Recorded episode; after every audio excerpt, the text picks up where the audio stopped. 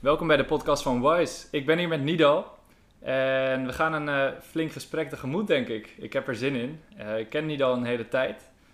En ja, ten eerste ben ik even benieuwd, Nido. Mijn eerste vraag tijdens deze podcast is altijd: wat betekent gelukkig zijn voor jou?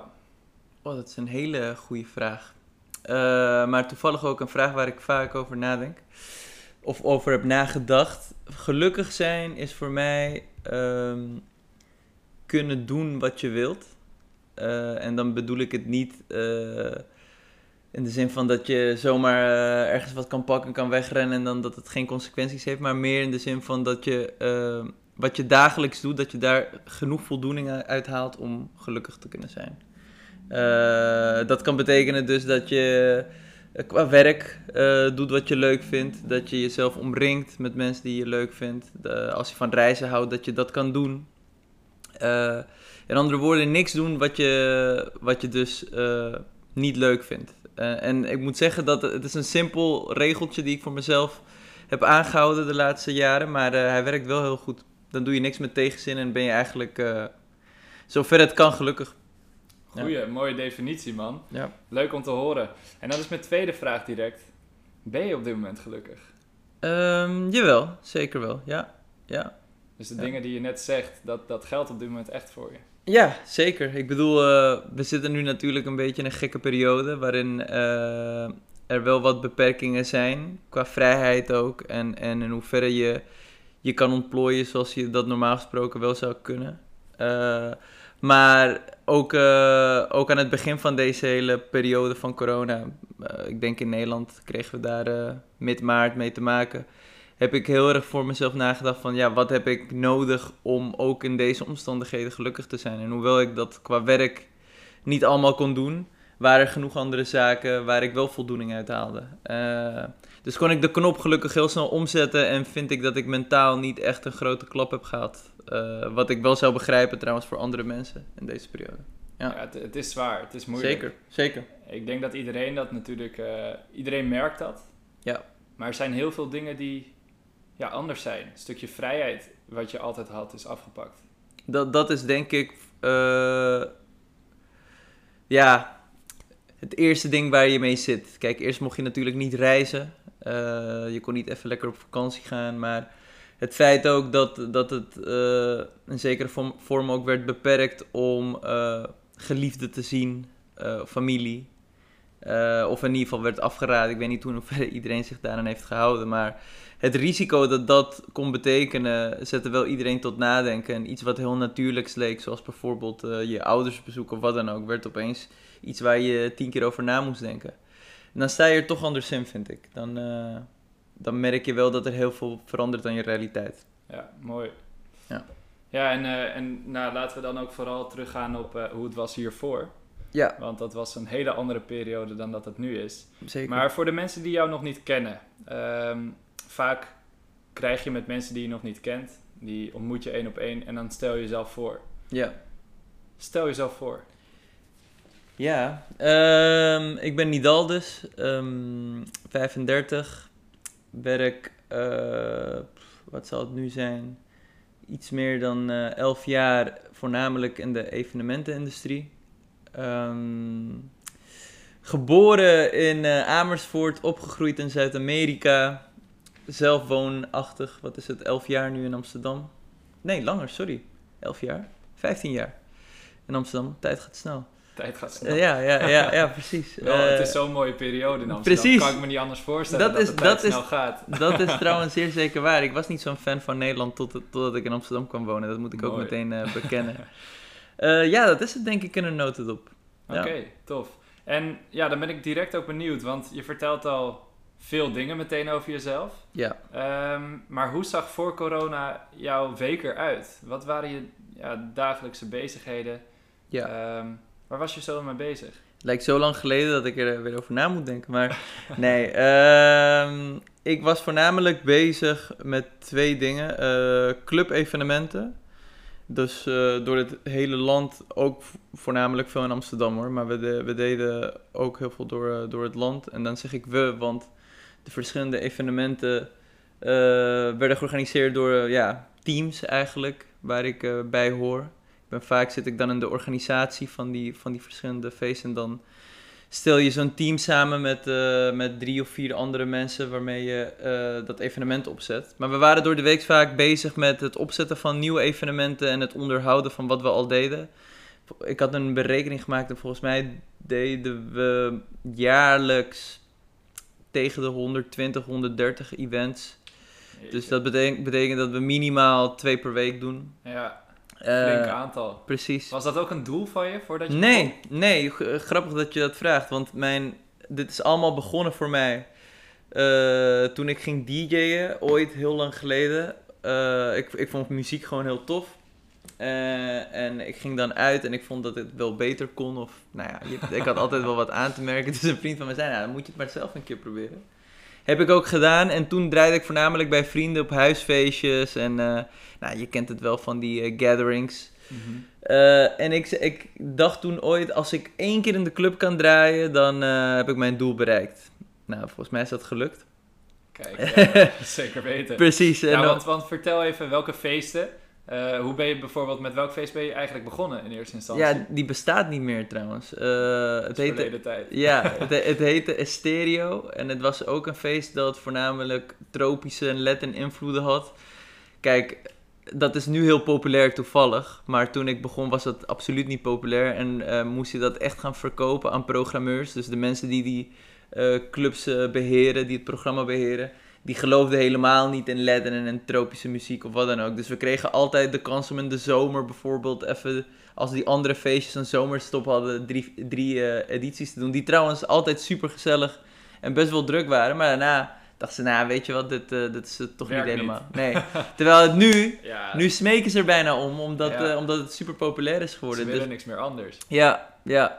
Dus zo is het allemaal begonnen in de, bij het Volkskrantgebouw boven, de Canvas Hey, dat, dat is een club aan de Wieboudstraat. Mm hebben we, ik en uh, ja, de partner met wie ik het langs wat doe, Mick, Mixter.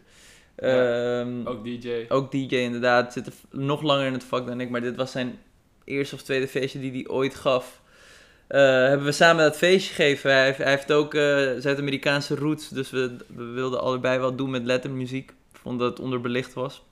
In ieder geval de manier hoe wij er naar keken. Mm en uh, toen zijn we daarmee begonnen. Nou, daarna hebben we een switch gemaakt, omdat die feestjes dus eh, niet in de smaak vielen bij de clubs. Uh, naar meer hip-hop en RB feesten, waar we ook heel veel in geloofden, zijn we terechtgekomen in de Melkweg met een uh, maandelijkse donderdag.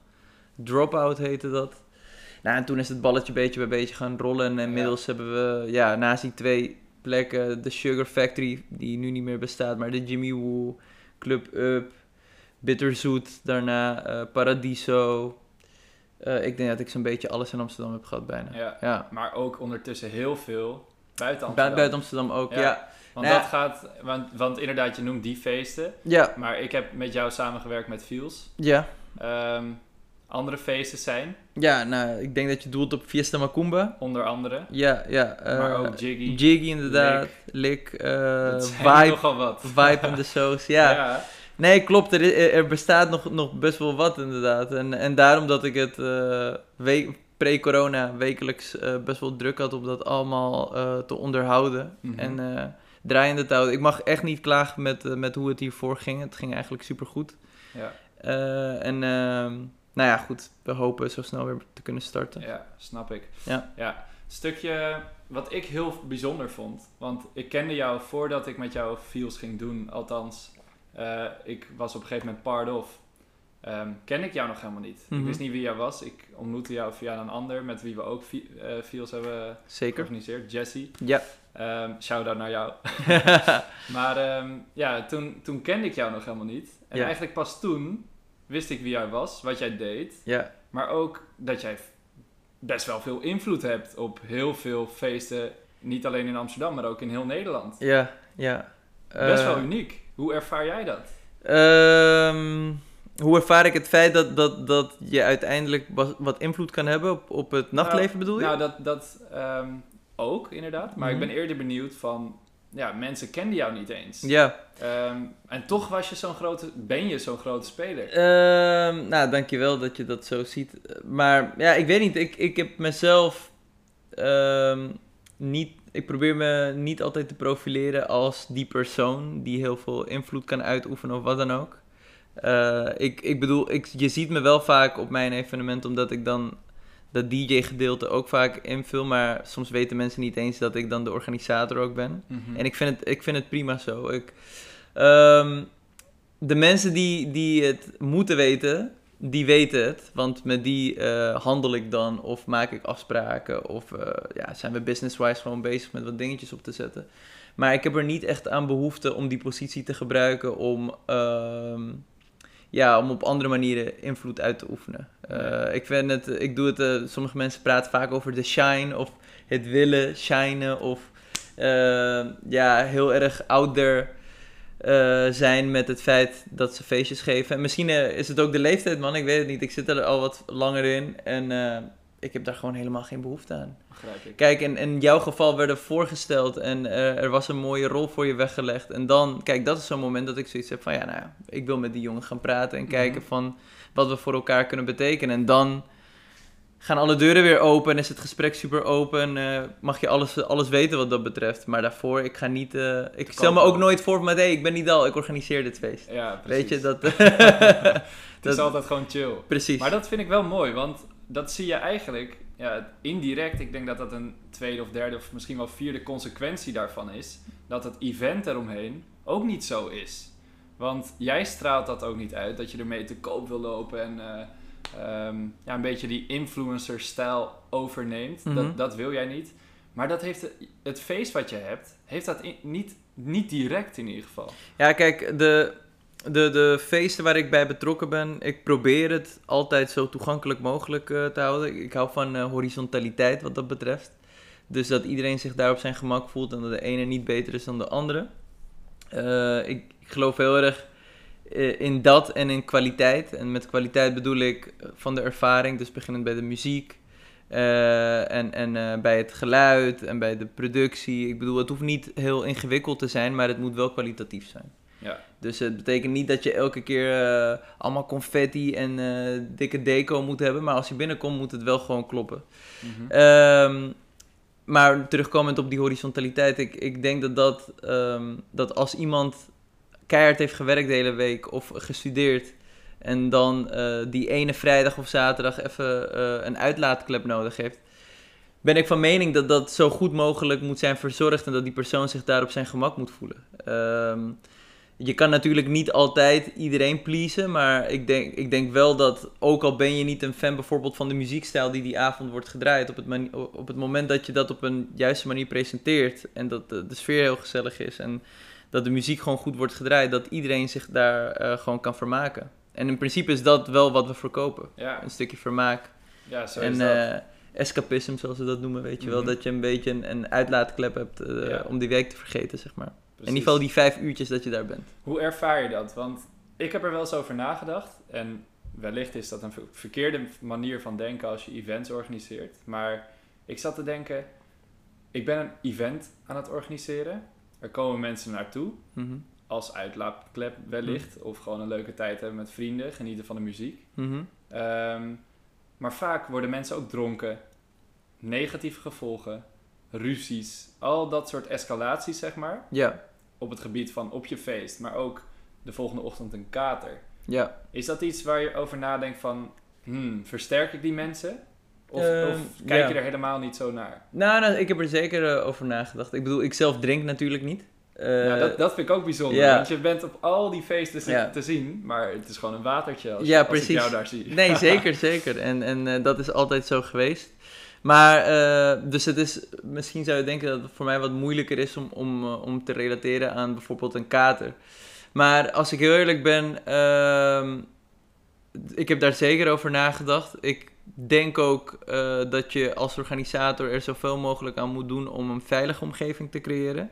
Kijk, uiteindelijk heb je nooit alles onder controle en soms is het moeilijker dan andere keren om dat zo te laten verlopen. Maar ik denk dat uh, je wel voorwaarden kan creëren, waardoor het voor mensen wel fijner is om uit te gaan. Uh, kijk, wat betreft het, het, drinken en, en een kater hebben, ja, dat, dat is wel een stukje eigen verantwoordelijkheid. In principe, als je thuis bent, kan je ook helemaal klemzuipen als je dat wilt. Dat kan, ik, niet, dat kan ik niet voorkomen, weet je wel? Nee, goed dat je er zo over nadenkt. Ja, ja maar, maar inderdaad, bijvoorbeeld als een, als een groepje meiden uitgaat, wil ik wel dat ze het gewoon leuk hebben en dat ze zich veilig voelen. En dat kan Geen wel. ruzies of wat dan Precies, ook. precies. Of dat ze worden lastiggevallen door, door jongens. Dus dat zijn wel aspecten uh, die je wel in de gaten houdt. En nogmaals, je hebt er niet absolute controle over, maar je denkt er wel over na. En soms uh, moet er inderdaad wat worden aangescherpt.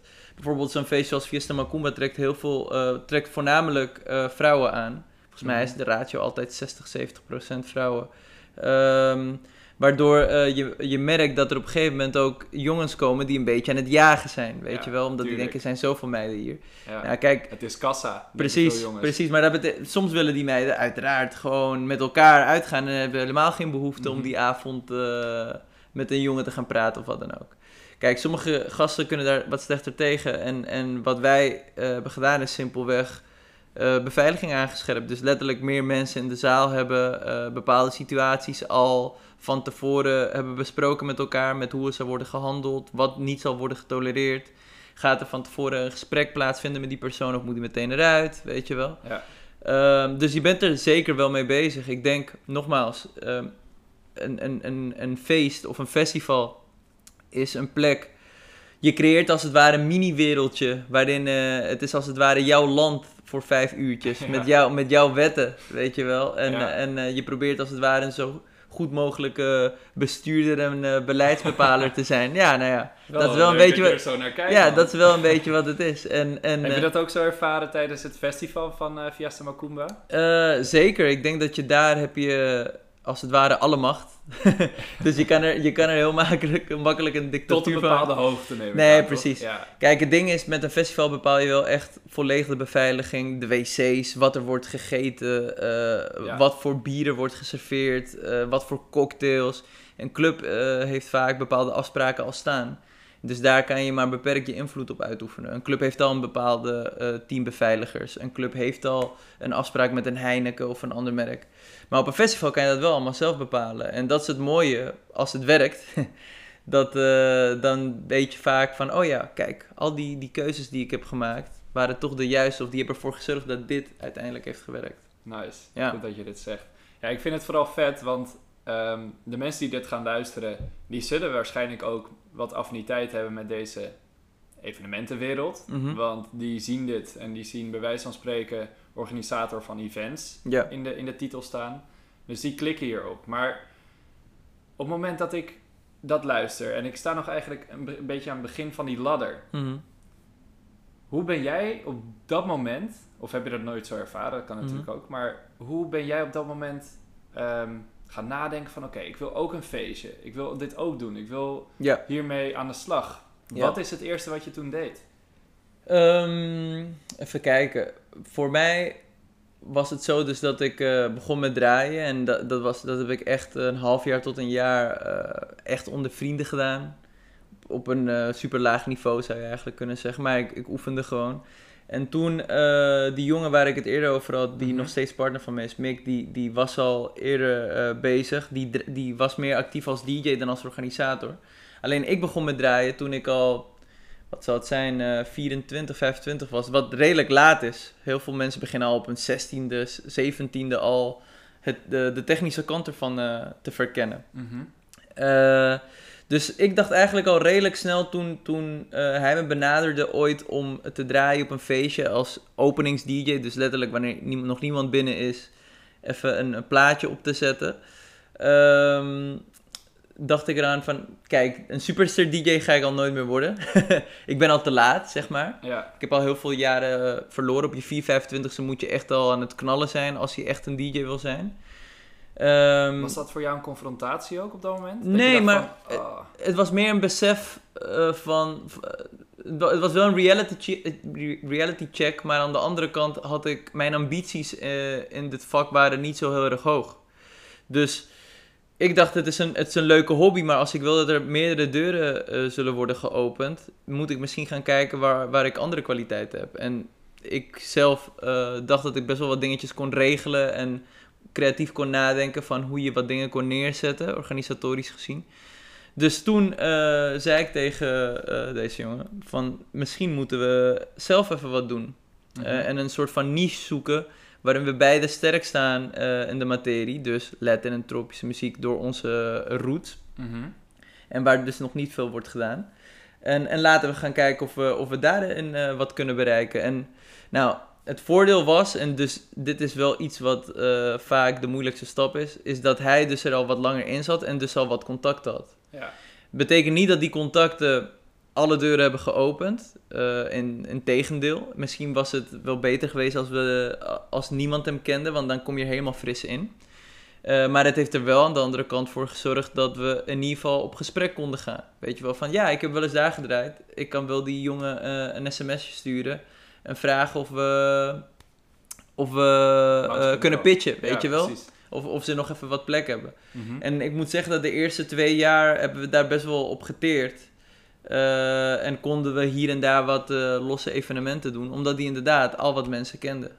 En hij is ook begonnen, ik bedoel, als uh, glazenhaler in de Paradiso. En leerde zo dan weer de manager kennen. En daarna als DJ hier en daar. En zo weer verder. Weet ik heb twee kanten die ik nu op wil. Ik ga eerst even de ene kant op. Wat, want we zeiden net eigenlijk ook al van uh, iemand die aan het begin van de ladder staat. Mhm. Wat zou je diegene echt meegeven?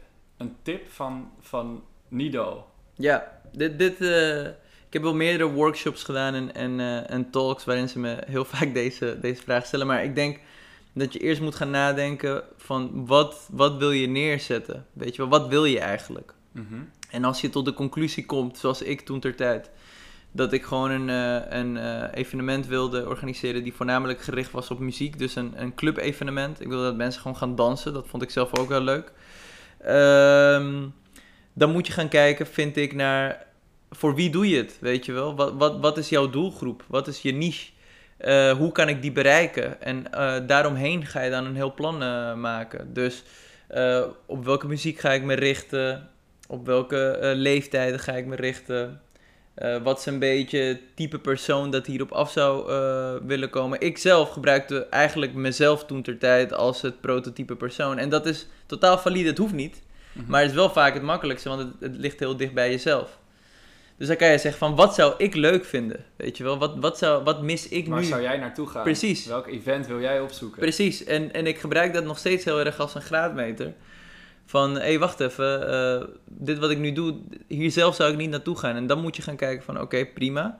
Voor wie doe ik het dan wel? En wat willen die mensen dan? Weet je wel? En uh, daaromheen kan je als het ware een marketingplan gaan opzetten. Dat klinkt misschien heel... Uh, heel complex, maar het komt er simpelweg op neer van hoe overtuig ik die mensen dat ze dus naar dat feestje moeten komen. En misschien is dat simpelweg het met je vrienden via een appgroepje gaan uh, promoten, weet je wel. Of misschien is dat wel dat je via Facebook gesponsorde berichten moet hebben. Of misschien moet je wel een, wel een billboard betalen. Het, er zijn talloze manieren. Precies, whatever works. En, en dat moet je even gaan uitpluizen. Maar als je helemaal aan het begin staat, is het denk ik voornamelijk belangrijk dat je gaat uh, onderzoeken voor jezelf. Uh, wat wil ik doen en voor wie? Ja, ja. ja.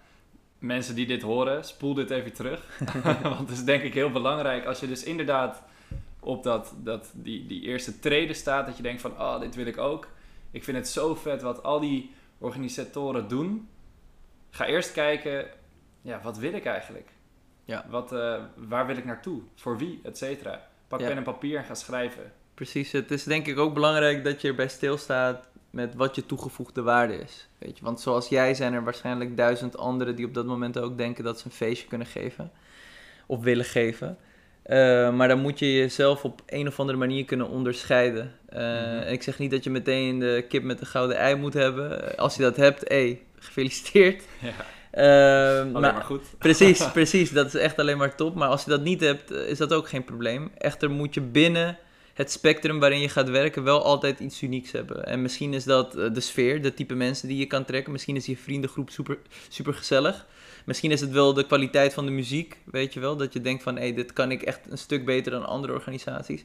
Misschien is het uh, uh, je vormgeving of je deco, weet je wel. Er zou altijd wel iets moeten zijn waarin je je onderscheidt. Anders ben je heel snel te vervangen en misschien ook niet interessant voor die clubs. Dus dan kom je ook wat moeilijker binnen. Goeie man. Tof dat je dit zo zegt. Ik denk dat heel veel mensen hier wat aan gaan hebben. Ehm, en dat brengt me meteen bij de vraag van... Jij, jij stond ook een keer zo laag. En we hadden het er net al een beetje over hoe dat uh, zo is gaan rollen. Maar op een gegeven moment kom je wel wat hoger. Je hebt wat meer events. Of mhm. tenminste, een bepaald event gaat goed en gaat steeds beter, beter, beter. Mhm. Ehm, als je op een gegeven moment, laten we zeggen, op de helft bent. Ja. Heb je op dat moment gedacht van... Oké, wat, wat moet ik nu doen om het nog meer te kunnen accelereren?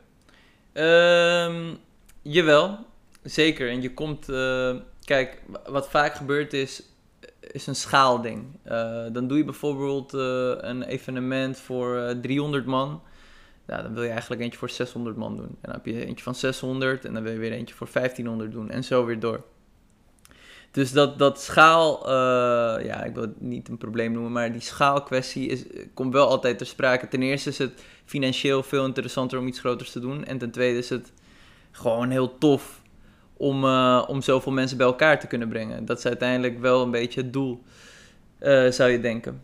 Maar ik ben wel een paar, paar aspecten tegengekomen. Ik, ik kan wel een voorbeeld noemen. Dat was Jiggy, die deden we dan in de Bitterzoet. Ik denk dat dat ons derde evenement was. Maar ik denk, qua concept dan... we waren toen denk ik twee, ja, twee à drie jaar al bezig. Uh, maar het was wel, vind ik, de eerste waarvan ik de indruk had van... oh, wacht even, dit, gaat wel echt heel goed. Er, er, er, er, is wel een hype gaande, het verkocht elke keer uit.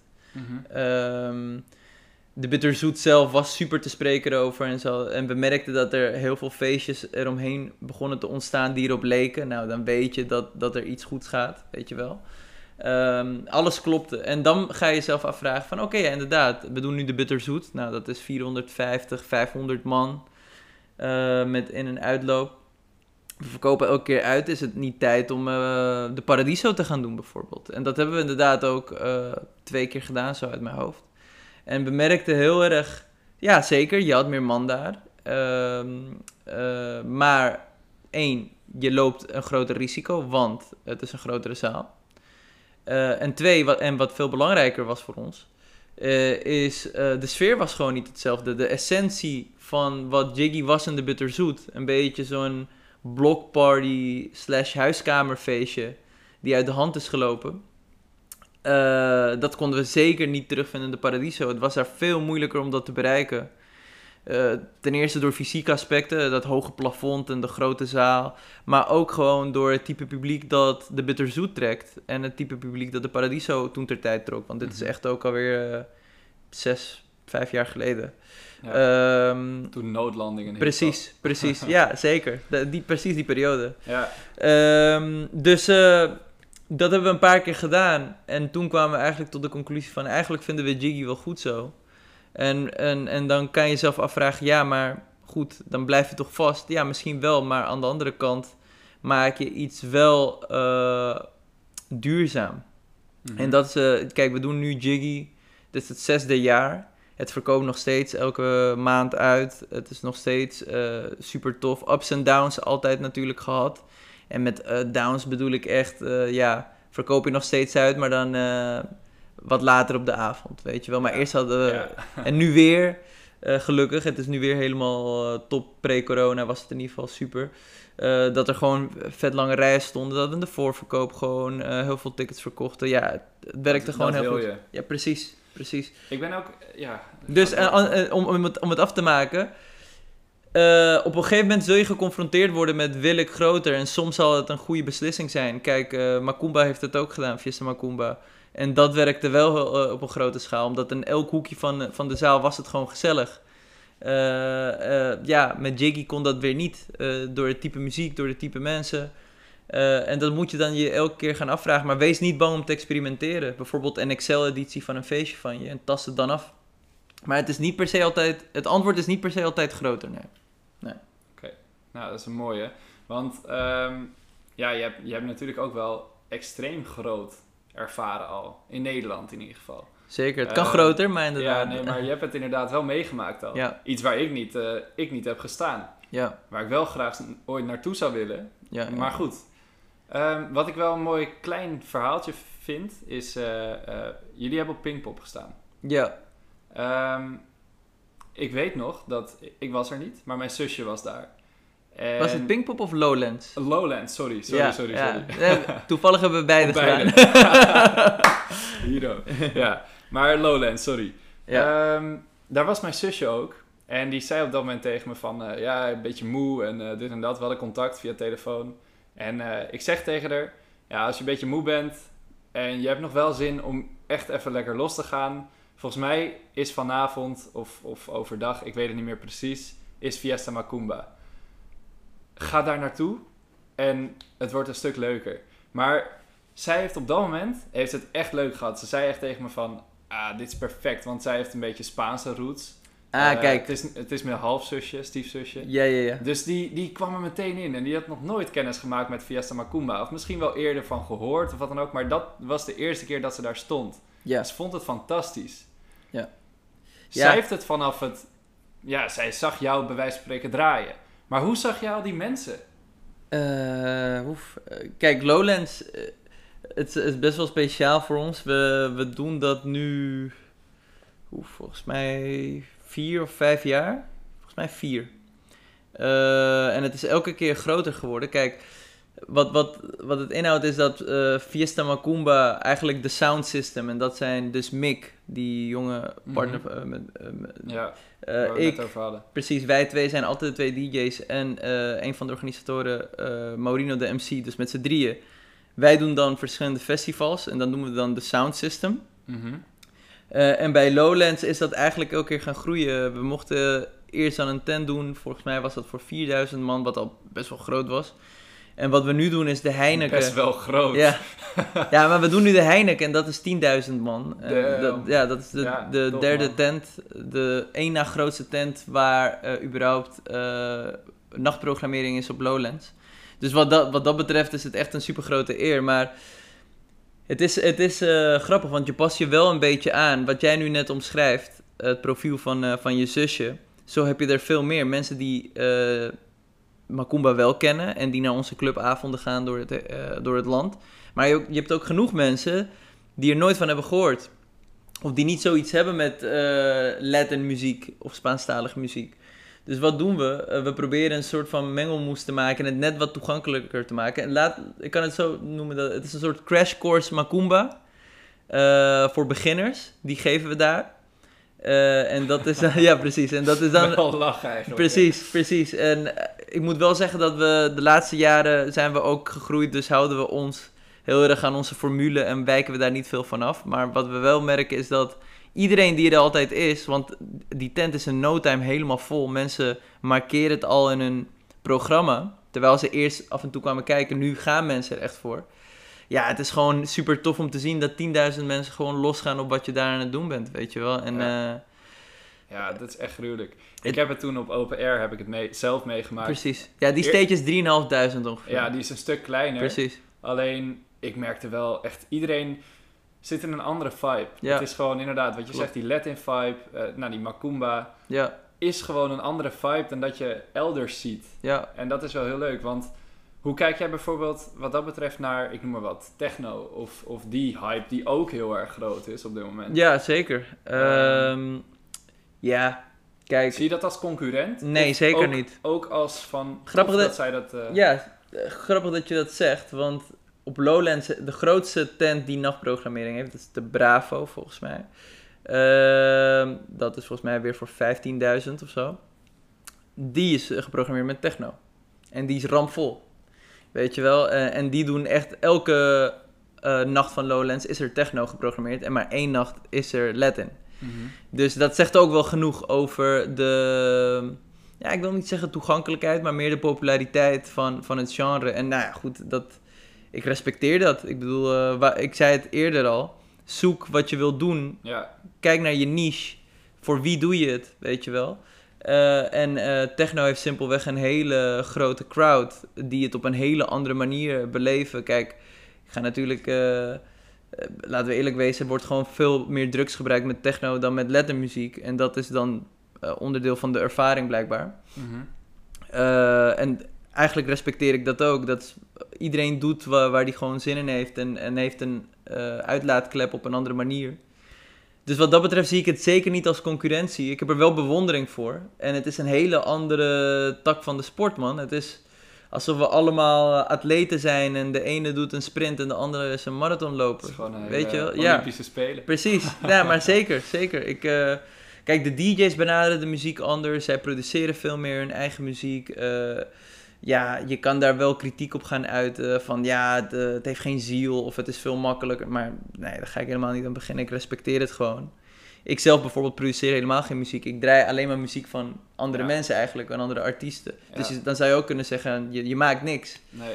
Dus op die manier kan je eindeloos blijven... Je, creëert een vibe. Precies, maar je kan e-, eindeloos blijven discussiëren over wat uh, beter of minder is. Mhm. of, maar ik denk dat, dat het gewoon afhankelijk is van waar mensen behoefte aan hebben, weet je wel. En ik vind het juist tof dat op een plek als Lowlands, dat je gewoon even doorloopt en dan heb je 10.000 mensen die losgaan op Latin. En dan vijf minuten verder 15.000 mensen die losgaan op techno, weet je wel. Top. En dan verderop heb je weer funk. En dan daar heb je weer wat experimentele elektronische muziek. En dan weer hip-hop, weet je wel. Het is er allemaal. Laten we dit even parkeren. Ik ben uh, wel benieuwd hoe dat in de toekomst, uh, hoe je dat voor je ziet. Maar daar gaan we zo even naartoe. Ja. Uh, in eerste instantie ben ik nog heel even benieuwd van wat zijn investeringen in jezelf geweest om op dit level te komen. En dan bedoel ik niet zozeer op het gebied van feesten. Dan bedoel ik meer gewoon op het gebied van mindset. Um, van hoe, hoe kijk je ernaar? Welke dingen ervaar je? Ik ben even benieuwd of er cursussen zijn, of er boeken zijn, of er wat dan ook, een, een webinar of een seminar, wat dan ook. Welke is je bijgebleven en welke les kan je daaruit halen die je nu zou willen delen?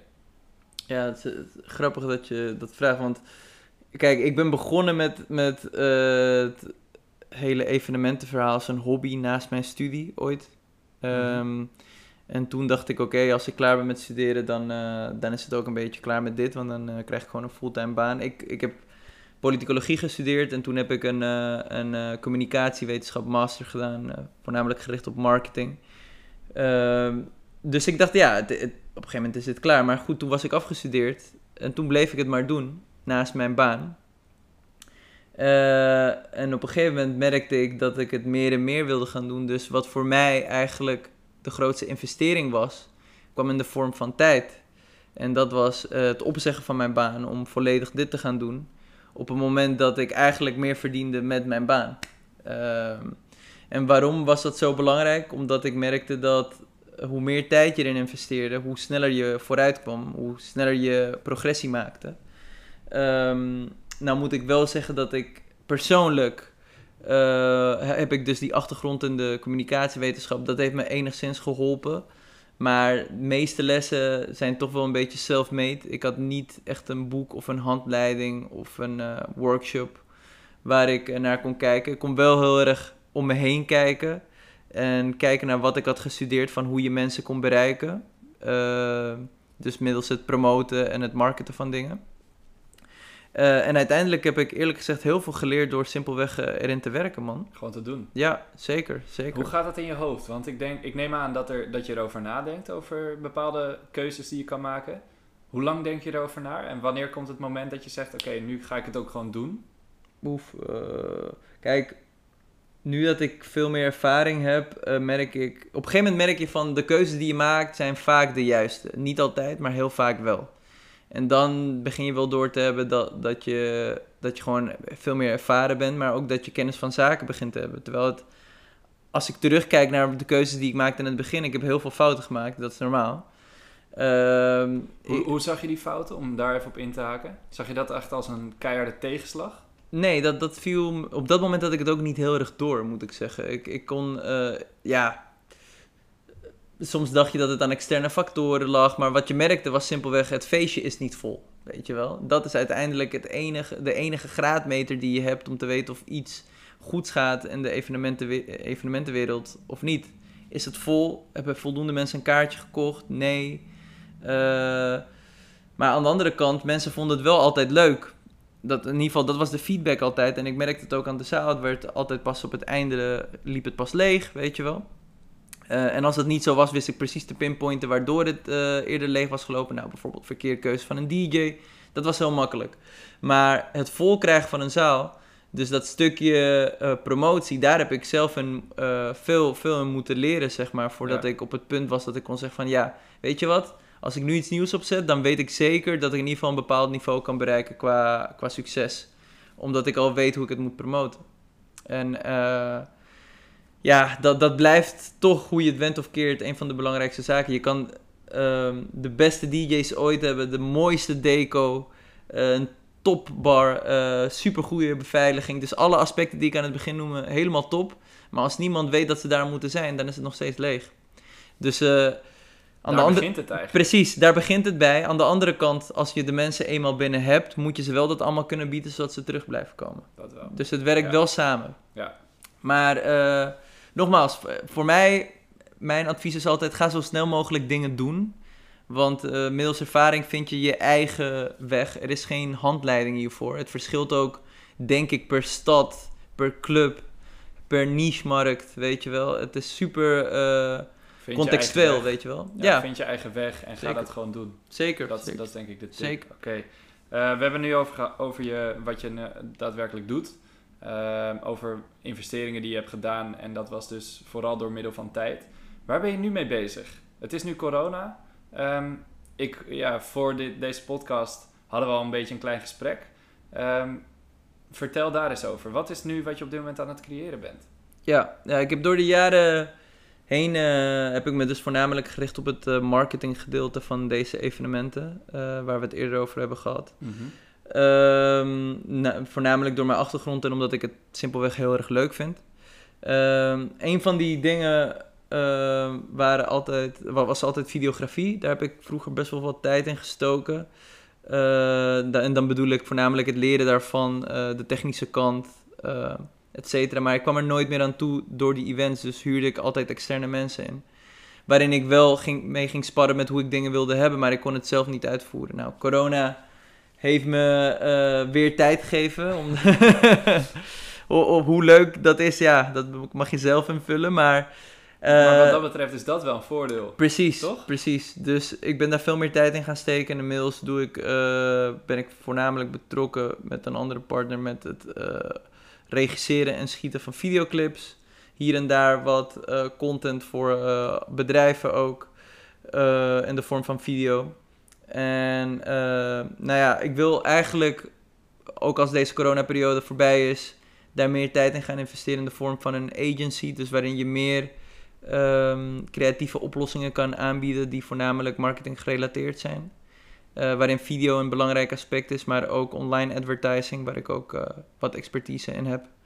Het design aspect, et cetera, et cetera. Dus eigenlijk dat man. Ik ben nu deze tijd aan het gebruiken om dat voornamelijk te ontwikkelen. Ook een beetje zoekende in wat ja, perfect bij je past. Zeker, zeker. Ik, ik, ik, ik heb al best wel een idee. Het moet nu wel alleen die puzzelstukjes moeten in elkaar vallen. En uh, kijk, het, het, uitvoeren van al die opdrachten zorgt er wel voor dat mijn netwerk weer aan de andere kant heel erg snel aan het groeien is.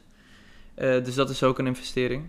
En uh, nou, ik hoop dat ik in ieder geval 2021 zowel de evenementen als wel als die creative agency van de grond heb weer. Mm -hmm. En, en dat ik daarmee door kan gaan eigenlijk. ten eerste succes daarmee man. Ja, Want thanks, ik, denk, man. ik denk dat dat ook iets, iets is wat je... Ja, je moet toch inderdaad toch door. En je moet toch ehm, de motivatie in jezelf, in de dingen die je wilt gaan doen, moet je wel blijven vinden uh, en, dat, en dat gaan uh, ontwikkelen.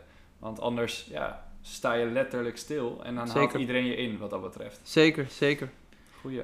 Um, en als we dan doorgaan naar de toekomst. Nido is uh, eh, 25 jaar ouder. Ja. En um, ja, je, bent je bent al een stuk verder. Of laten we zeggen dat je nog ouder bent. Mm Waar wil je uiteindelijk naartoe? Hoe wil jij, zeg maar, als, als iemand uh, over 30 jaar zegt, 25, nog langer, die heeft het over jou. Mm-hmm. hoe, wilt die, uh, hoe wil je dat diegene over je praat? Nou, het is heel grappig, want dat ga ik... Uh, ik weet niet of dit de laatste vraag is ook. Of een van de laatste. maar ik koppel dit meteen aan jouw eerste vraag over geluk. en in principe heb ik niet per se een visie materieel gezien over waar ik wil staan en waar ik wil zijn met mijn onderneming of ondernemingen. Wat dat betreft is sky the limit, denk ik altijd. En kansen zullen zich wel voordoen en ik blijf gewoon doorwerken. Maar ik wil gewoon gelukkig zijn. Ik wil met wat ik op dat moment bezig ben, wil, daar wil ik geluk uit kunnen halen. Uh, en whatever it may be, weet je wel. Misschien is dat uh, dus de legacy die ik achterlaat met die evenementen. Misschien ben ik weer bezig met wat anders. Maar als het op dat moment is tuinieren, dan wil ik daarmee bezig zijn. Weet je wel. En uh, dat is voor mij nog steeds altijd prioriteit nummer één. en de rest is eigenlijk bijzaak, als ik eerlijk ben. Tof, tof, tof. Tof dat je dit zegt. Ja. het is bijna mijn laatste vraag, maar ik, ik heb ook, een, net als dat ik een uh, eerste vraag altijd heb, ook een laatste vraag. Um, wat wil je in ieder geval hebben gedaan op het moment dat je op je sterfbed ligt en je denkt van, oh, dit is echt iets, daar, daar, dat vond ik zo geweldig. Oef, ik denk dat ik heel veel van die zaken al heb gedaan, man. Ik had niet eens durven dromen van wat ik al heb kunnen doen. Dus ik, ik vind dat echt oprecht altijd moeilijke vragen om te beantwoorden, omdat nogmaals, mijn eerste doel was ooit, als ik één keer in de club sta, dan, uh, dan ben ik al voldaan. Maar, maar laten we het hebben over bijvoorbeeld een bucketlist. Ik, ik ben geen fan van het woord, maar op het moment dat je een bucketlist maakt, wat staat er op één? Dat, dat heb ik echt oprecht niet. Echt niet. Geen idee? Nee, ik heb, eh, zeg maar, de meeste dingen die, die ik ooit had willen doen, die heb ik al gedaan. En de rest is echt, nogmaals, materieel gezien heb ik niet echt veel doelen. Ik wil niet een uh, groot huis, ik wil niet uh, per se een, uh, bepaalde auto of van dat soort domste, domme dingen, weet je wel. Het is voor mij, ja, het, doet voor mij gewoon heel weinig. Het is allemaal leuk speelgoed en, en als dat er niet is, dan is het ook prima, weet je wel. Um, maar een bucketlist, nee. En dan een beetje op het gebied van familie? Ja. Je, ja. je kring om je heen? Ik, ik ben, ik, wat ik altijd heel belangrijk vind, klinkt heel corny, maar gezondheid staat voor mij wel echt op nummer één. Ik heb uh, wel meegemaakt in mijn leven dat, dat je daar niet altijd grip op hebt. Helaas. Uh, dus daar kan je helemaal niks aan doen. Uh, zolang iedereen om me heen uh, gezond kan zijn of zoveel mogelijk, ben ik eigenlijk al, al helemaal voldaan, man. Top. Want de, de rest ligt gewoon aan ons, van wat we ervan maken, weet je wel. Maar dat, dat kunnen we niet controleren. Nice. Ja, ik vind het een super podcast. Ik denk dat, dat dit een hele goede is geweest. En ik, ik wil nog één ding aan je vragen om hem mhm. af te ronden. Zeg maar. Wat is het laatste wat jij hierover wil zeggen? Over wat? Jij mag hem afronden. Over, die... over de podcast of over iets wat je... Ja, ja, ja. Nou, ik vond het super tof dat we, dat we zo'n open gesprek konden hebben hierover. Um, ik denk... Kijk, uiteindelijk heb ik heel veel informatie meegegeven. Uh, en het kan altijd een beetje overwhelming lijken, maar het is eigenlijk heel simpel. Als je, als je eenmaal in die evenementen wil gaan werken, kijk goed naar waarom je dat doet. Weet je wel. Uh, ik heb het jaren gedaan voor bijna 0 euro. Ik vond het gewoon super leuk. Uh, nogmaals, met die vraag over geluk. Het was wat, wat mij op dat moment super gelukkig maakte. Uh, en nog steeds, daarom doe ik het. Um, doe het om de juiste redenen. Als het gaat om geld of wat dan ook, dan zou ik je een andere business aanraden. Want het is gewoon heel zwaar. En als je het alleen als werk ziet, dan weet ik niet of het de moeite waard is. Want het zijn echt ongelooflijk veel uren. dus dat man. En als je ervoor gaat, uh, enjoy the ride, want het is, uh, het is niet oneindig. Top, dankjewel Nidal.